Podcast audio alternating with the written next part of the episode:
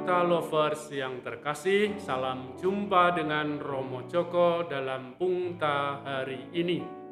Pada hari Rabu biasa ke-25, diambil dari Injil Lukas bab 9 ayat 1 sampai 6. Renungan kita berjudul Allah mengutus, Allah mengurus, Deus Providebit. Perjalanan ke stasi Tanjung Bunga sangat sulit karena saya tidak akan menginap, maka saya hanya membawa alat-alat misa saja. Namun, tiba-tiba di tengah jalan hujan datang. Jalan berlumpur dan sangat licin. Beberapa kali saya jatuh tidak bisa mengendalikan sepeda motor. Baju dan celana kotor berlepotan. Pak Totoi memberi tumpangan dan menghidangkan kopi panas untuk menghangatkan badan umat yang berkumpul tidak lebih dari 10 orang. Namun, misa tetap harus berlangsung. Oleh karena itu, di tengah perayaan Ekaristi dalam suasana dingin dan badan pegal semua, dalam hati saya terus berdoa supaya hujan berhenti. Yang terlintas di pikiran hanyalah apa saya bisa balik ke pasturan. Kalau terlalu sore, jalan akan makin gelap dan menakutkan. Tidak ada lampu dan harus melewati hutan. Itu sangat menakutkan. Pak Uder menawarkan diri, "Pastor, nanti saya temani sampai di jalan utama di Engkadin ya." Lega sekali rasanya ada teman di perjalanan. Dia seperti malaikat yang diutus Tuhan untuk menolong. Sampai di Engkadin, saya singgah di rumah Pak Ignatius. Saya disuruh mandi, bersih-bersih badan. Ibu Ignatius memasak ikan dengan tempoyak yang sangat enak. Kamar sudah disiapkan untuk istirahat sejenak saya tertidur karena kecapean. Setelah bangun, sudah ada kopi dan ubi goreng panas. Motor saya yang berlepotan lumpur sudah dicuci bersih sekali oleh Pak Ignatius. Minum kopi dulu, Pastor. Nanti kalau mau balik pasturan sudah nyaman, kata Pak Ignatius.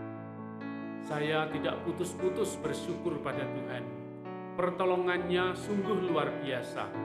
Dia mengutus orang-orang baik seperti Pak Totoi, Pak Uder, dan keluarga Pak Ignatius di Engkadin. Pungta lovers yang terkasih, Injil hari ini menggambarkan bagaimana para murid diutus untuk mewartakan kerajaan Allah dan menyembuhkan orang-orang. Yesus berpesan, "Jangan membawa apa-apa dalam perjalanan, jangan membawa tongkat atau bekal, roti atau uang, atau dua helai baju.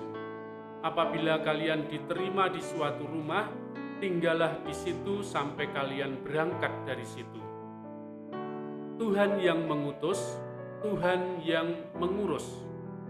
Pesan Yesus itu menyadarkan kita bahwa kita tidak perlu khawatir dengan segala remeh-temeh urusan makan minum, bekal, dan uang kita diminta fokus saja pada tugas perutusan. Jangan takut soal fasilitas. Tuhan akan mengurusnya dengan tuntas.